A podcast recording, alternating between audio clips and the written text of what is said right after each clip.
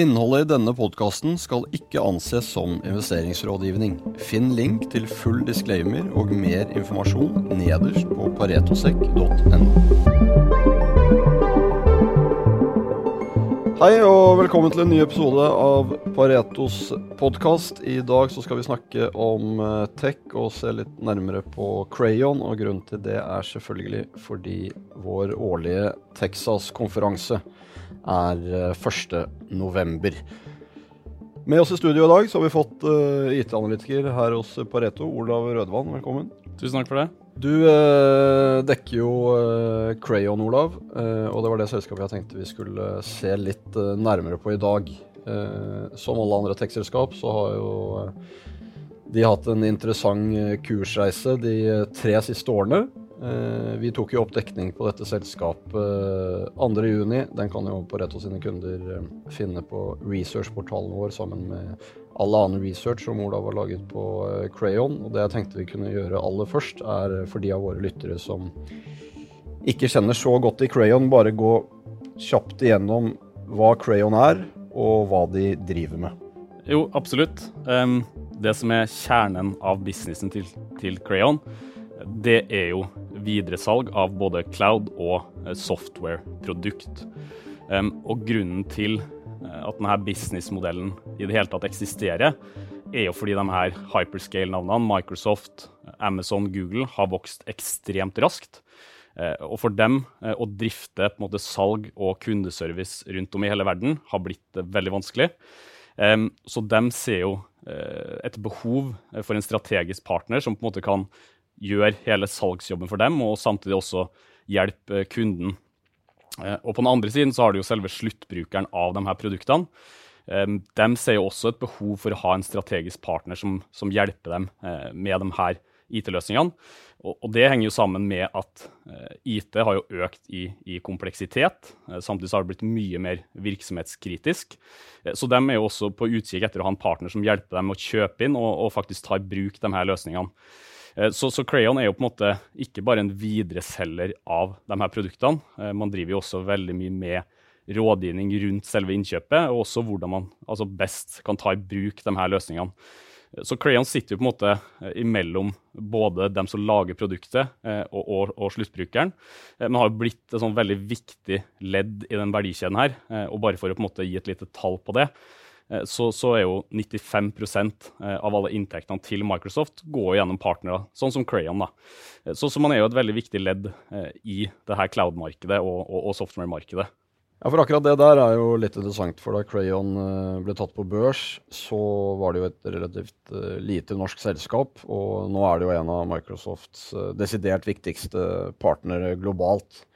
Og det sier jo sitt om den reisen de har hatt så én ting er jo at uh, multiplene på børs har uh, ekspandert, spesielt innenfor denne sektoren mm. uh, i løpet av covid. Men her har jo du en business som absolutt er liv laga. Og det er jo derfor, derfor vi tar det opp i denne podkasten også. I initiation-rapporten din nå så har du jo på side fem der en, en, liten oversikt i forhold til det du var inne på nå, med, med Crayon i midten, og egentlig hva de gjør ut mot, ut mot sluttkunde, og, og fra, fra, Microsoft og Google og Alibaba og Adobe og de som, de som um, selger uh, software. Ja, det, det, er veldig interessant det du sier der, altså med den reisen Crayon har vært eh, gjennom. Og, og jeg tror jo mye av hvorfor Crayon har lykkes i det markedet. For det er jo åpenbart veldig mange som driver med akkurat det samme. Eh, og jeg tror på en måte for å forstå Crayon litt bedre, så er det jo viktig å skjønne også denne go to market-strategien og, og hva, hvilken måte value prop de har ut mot kunden. Eh, og det Crayon på en måte har vært veldig flink til, er å ta denne modellen ut i hele verden og vært veldig aggressiv på det og, og lykkes med det. Eh, men, men, det Crayon på en måte først og fremst gir til kunden, er jo rådgivning hvordan de kan spare penger rundt innkjøp og implementering av de her produktene. Akkurat det er jo litt interessant nå, fordi vi beveger oss jo inn i et makroklima som er litt tøffere.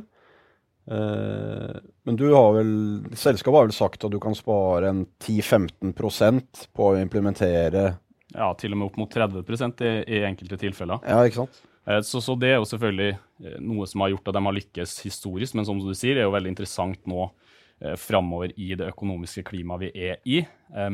Det som også er veldig spennende akkurat nå, er jo vi vet jo egentlig ikke hvordan det markedet her kommer til å være eh, i en økonomisk nedtur, for det har vi jo egentlig aldri sett. Eh, man har ikke vært gjennom en sånn ordentlig nedgangskonjunktur med på en måte hvordan det markedet her ser ut nå. Eh, så vi vet jo ikke helt hva som er diskresjonært og ikke. Men vi tror i hvert fall at cloud-markedet er mye mer business critical for veldig mange, og burde jo ses på mer som kritisk infrastruktur. Uh, og så kan man jo dra noen paralleller tilbake til covid uh, rundt denne go to market-strategien og, det med kostnadsbesparelser. For det vi så under covid, var jo at det var en del bransjer som f.eks. fly, hotell, som ikke akkurat hatt veldig medvind under covid. Og det var jo typiske kunder som kom til Crayon og sa at vi har nødt til å kutte kost kan nok hjelpe oss å kutte kost på IT-siden med å enten migrere helt over til cloud, eller ta en ny titt på IT-stacken, hva man egentlig bruker. Eh, og Sånne eksempler tror jeg nok vi kommer til å se mye mer av, av, av fremover. Eh, også hvis verden blir, eh, økonomien blir fryktelig dårlig fremover. da. Hvis vi beveger oss litt, litt videre, så Én ting er jo hvordan markedet priser der, men de gjorde jo et stort oppkjøp i 2021 av mm. et selskap som heter Ripe. Og det har det jo vært en del fokus på nå de seneste kvartalene eh, i forhold til integrasjonen der og marginer osv. Kan ikke du eh, bare dra lytterne kjapt igjennom hvorfor de gjorde det oppkjøpet? Og hva som har skjedd litt i etterkant. Vi skriver jo litt om det i, i etter Q2 spesielt, da, hvor Absolutt. man fikk eh, Hvor investorene var veldig opptatt av, av dette. Eh, altså rasjonalet bak et sånt type oppkjøp, og det her var et ganske stort oppkjøp for Crayon, eh, det ligger jo i at den businessen her er veldig skala game. Eh, er du stor, så får du stordriftsfordeler. Eh, fordi det koster veldig lite å selge ekstra lisenser. Så, så, du har jo en sånn viss operasjonell leverage her. Så for Crayon sin del så handla det jo også om å få mer size i, i Asia, og spesielt Australia, som nå har blitt et veldig stort marked for dem. Og så har det jo nå kommet veldig inn i fokus nå, eh, spesielt etter Q2, eh, fordi man så at kanskje marginen i Asia ikke var eh, like bra som i hvert fall vi analytikere lå, lå inne med, og åpenbart også markedet når, når aksjen falt såpass mye. Um, det som er litt viktig å huske på med Ripe, det blir jo veldig mye noise når du gjør et stort oppkjøp og du aldri har sett det i, i Q2-tallene før. Det som er litt forskjellen med Ripe versus Crayon, er jo at Ripe er en såkalt ren, mer eller mindre en ren channel business. Um, så for Ripe sin del så er jo marginen veldig mye mindre uh, volatil i forhold til Crayon X Ripe. Uh, og vi ser jo at over de siste tolv månedene så har jo marginen der uh, vært veldig innvandrende for, for Crayon.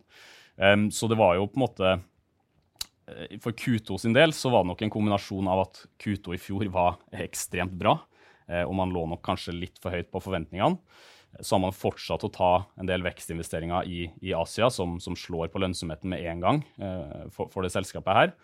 Um, så, så, det er jo ikke på en måte helt uh, given at Q2 uh, var så fryktelig dårlig som markedet kanskje skulle si. Um, og vi tror jo at Ripe kommer til å være en veldig positiv bidragsyter uh, framover. så var det jo også veldig mye fokus på, på, på arbeidskapitalen fra Ripe. og det var nok noe som tok markedet litt off guard, tror vi. Eh, fordi Crayon har jo historisk hatt negativ arbeidskapital. Kuto er historisk et ekstremt viktig sånn cash release-kvartal. Så kom det jo nå eh, litt dårligere enn det, det alle forventa, og det hang jo litt sammen med at Ripe har hatt en litt annen arbeidskapitaldynamikk enn en Crayon. Men her er det jo selvfølgelig muligheter til å, å forbedre. og Det er jo ingen grunn til at dynamikken i Ripe skal være så fryktelig annerledes enn Crayon, så, så vi tror nok at det noe selskapet kommer til å ha fokus på å jobbe med, med, med framover.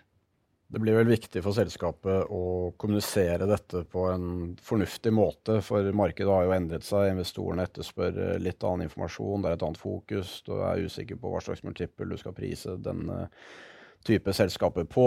Mm. Uh, skal du fokusere på vekst, akkurat nå så er marginer litt viktig, og så har du et oppkjøp, så er du usikker. Er det er det oppkjøpet det er noe feil med, eller er det andre ting i den underliggende Crayon-businessen det er noe feil med, og så blir det en liten sånn røre som du, som du må um, Ja, ja, absolutt. Altså, Markedsfokus har jo skifta ekstremt, eh, som man vet, eh, i, i, innenfor tech. Um, og nå er det jo selvfølgelig, som du sier, veldig fokus på lønnsomhet. Eh, og når man får en litt sånn overraskelse på lønnsomheten, som både gjaldt Crayon X-Ripe og, og, kanskje også litt på Ripe, eh, så, så, blir man jo fort eh, straffa. Og så er det jo kanskje også noe som har vært veldig spesielt for Crayon, er at det her har vært en sånn typisk aksje som alltid overpresterer. Eh, selskapet leverer alltid gode tall.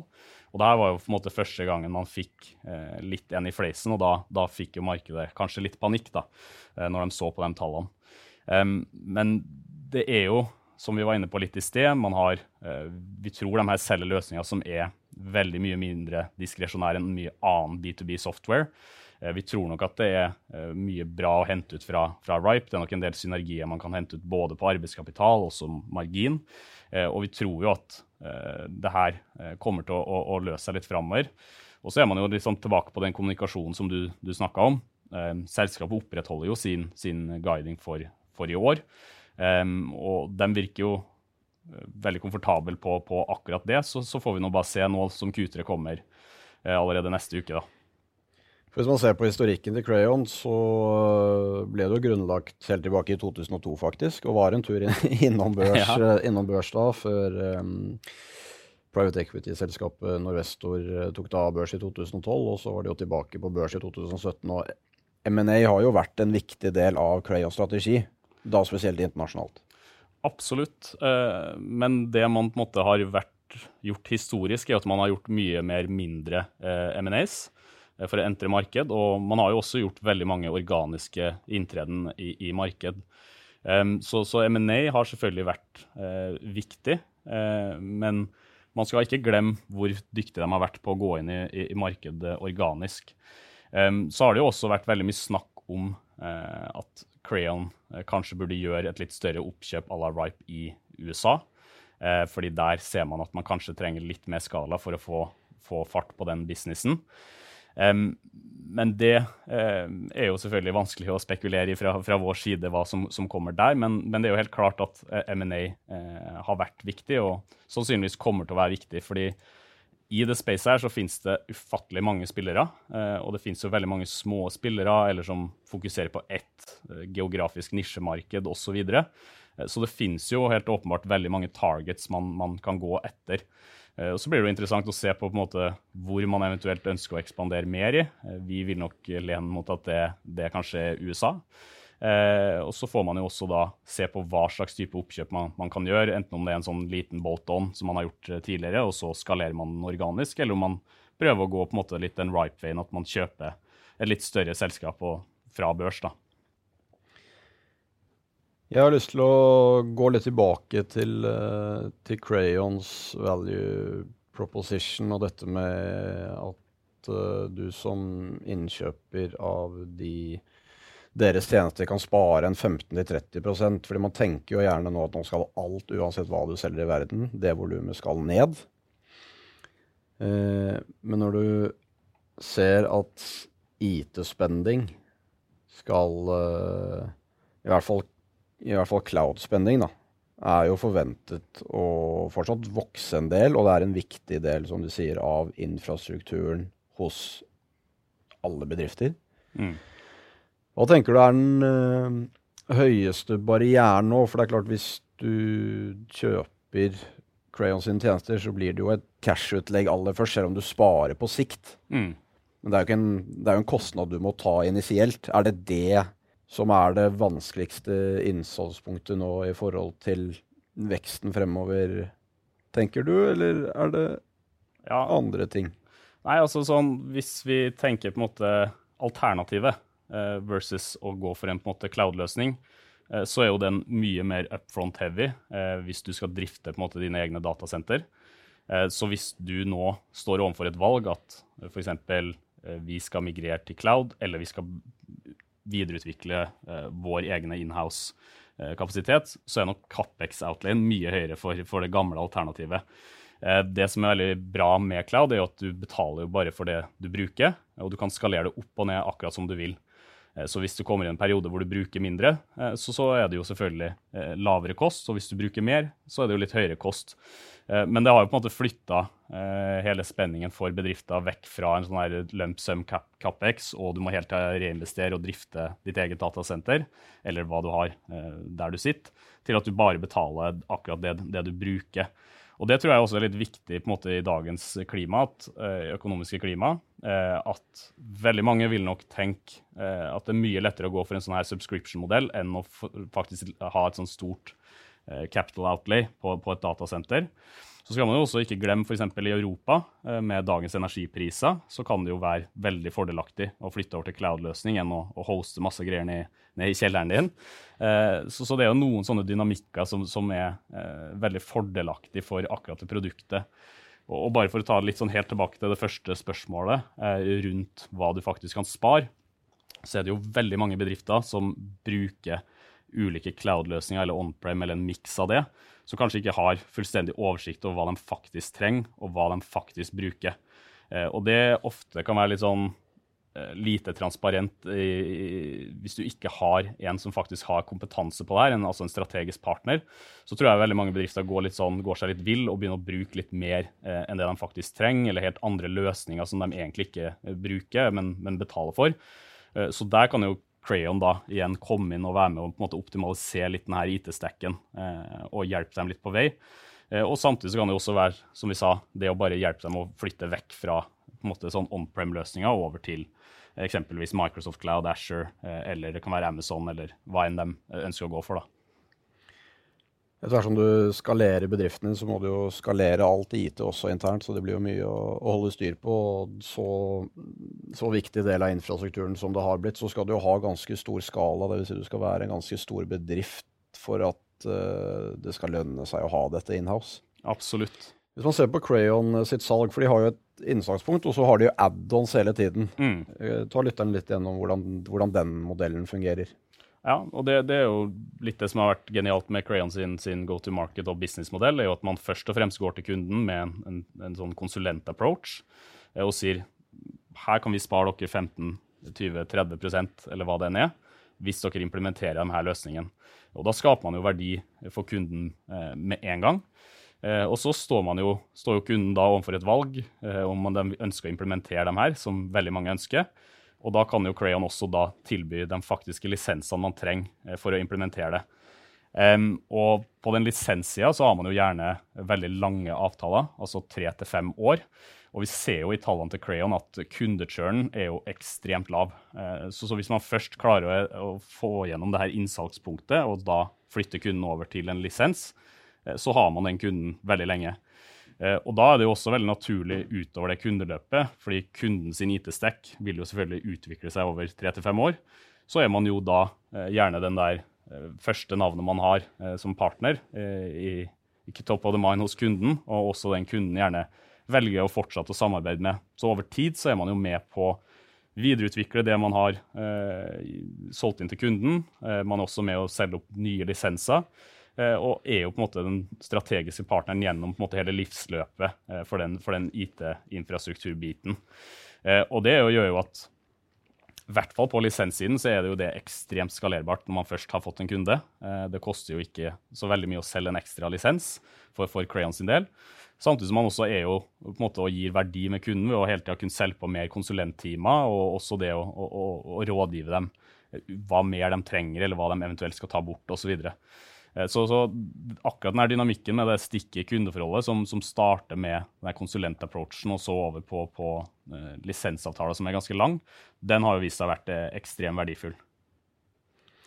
Hvis vi beveger oss litt inn på geografier vi snakket jo, Du snakket jo litt om USA i sted, og at det kanskje blir der de, i hvert fall hvis man følger selskapets kommunikasjon, hvor de er interessert i å å gjøre, gjøre noe strategisk eh, videre. Men for historisk så var det jo egentlig nordisk business. Mm. Og, og, Norden er jo fortsatt en viktig del av businessen, men hvis man ser på eh, hvor EBT-ene i dette selskapet kommer fra, så er det jo en eh, Fra 2019 2020 og akselererende gjennom 2021 en økende vekst i andre regioner. Mm. Hva tenker du om den geografisammensetningen fremover? Ja. Gitt at dette er jo en global business og skalerbart, som du sier. Nei, det er jo akkurat som du sier. altså Crayon har jo gått fra å være et nordisk selskap til nå å være veldig internasjonalt. Og Det er jo ganske stor kontrast til det vi ser hos mange konkurrenter som fokuserer gjerne på sitt hjemmemarked eller noe rundt der. Um, og det som er selvfølgelig veldig interessant, er jo at vi ser jo lønnsomheten i Norden ligger jo ganske godt over uh, det man ligger i resten av verden. Og så er jo på en måte en stor del av tesen rundt, rundt Crayon er jo hvis man klarer å løfte de internasjonale markedene opp til der Norden ligger i dag, så skal man jo selvfølgelig ha en ganske eh, kraftig uh, marginforbedring over tid her. Eh, og hvis vi ser litt historisk, så har jo marginene i alle de her internasjonale eh, regionene til Crayon, altså i Europa, Asia og USA, alle har jo trenda oppover. Eh, og det er jo en ren effekt av, denne, av skalering. Altså Jo mer du klarer å selge, og så har du en ganske sånn bra operasjonell leverage her. Um, og det som også er på en måte interessant å påpeke rundt det, er jo at vi ser jo konkurrenter som bare fokuserer på de ulike markedene rundt omkring de har jo marginer som kan sammenlignes med det Crayon har i Norden.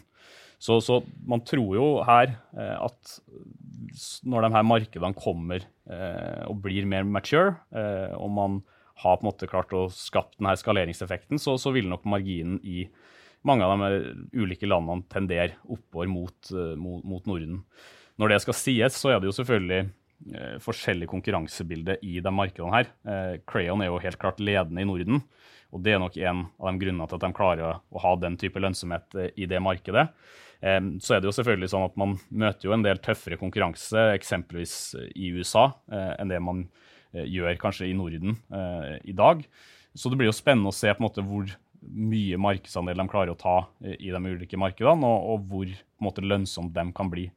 Men i hvert fall hvis du ser historisk, så har det jo på en måte tendert oppover, samtidig som salget har økt. Og det er nok en trend vi tror kommer til å fortsette også framover. Det er klart det er jo litt større volum å ta i det store utland, så hvis du klarer å holde topplinjeveksten din på linje med det vi og, og, andre tror, og du får en forbedring i marginen samtidig, så trenger den jo ikke nødvendigvis å komme opp til de 35 EBTA-margin som du har i Norden. Absolutt. For at dette skal se hyggelig ut. Jeg tenkte vi kunne avslutte med å bare snakke litt om de forskjellige produktene. Mm. Eh, for det er kanskje ikke noe som er helt uh, åpenbart for, uh, for lytteren. Og bare ta oss litt igjennom uh, hva de forskjellige produktene er, og, og, hvilket produkt som er det viktigste på, på lønnsomhetsnivå. Mm. Nei, altså, Du kan jo dele Crayon inn i to deler. Den ene er jo servicebiten, som består av basically konsulenttimer og ekspertise man selger til, til kunden. Uh, og den andre halvdelen det er jo lisenssalget. Altså når du kjøper et Microsoft-produkt via Crayon, så, så, havner det på en måte i den bolka. Um, og selv om de to businessene er veldig på en måte forskjellige, spesielt dynamikken og økonomien i de to businessene, så er de jo veldig komplementære. Eh, det å selge lisenser uten å ha ekspertise på det, det funker jo ikke. Eh, og du kan jo ikke selge ekspertise på lisens uten å kunne ha et lisens å, å, å selge. Så, så, de er jo veldig komplementære, og, og, de er veldig viktige synergier mellom dem to.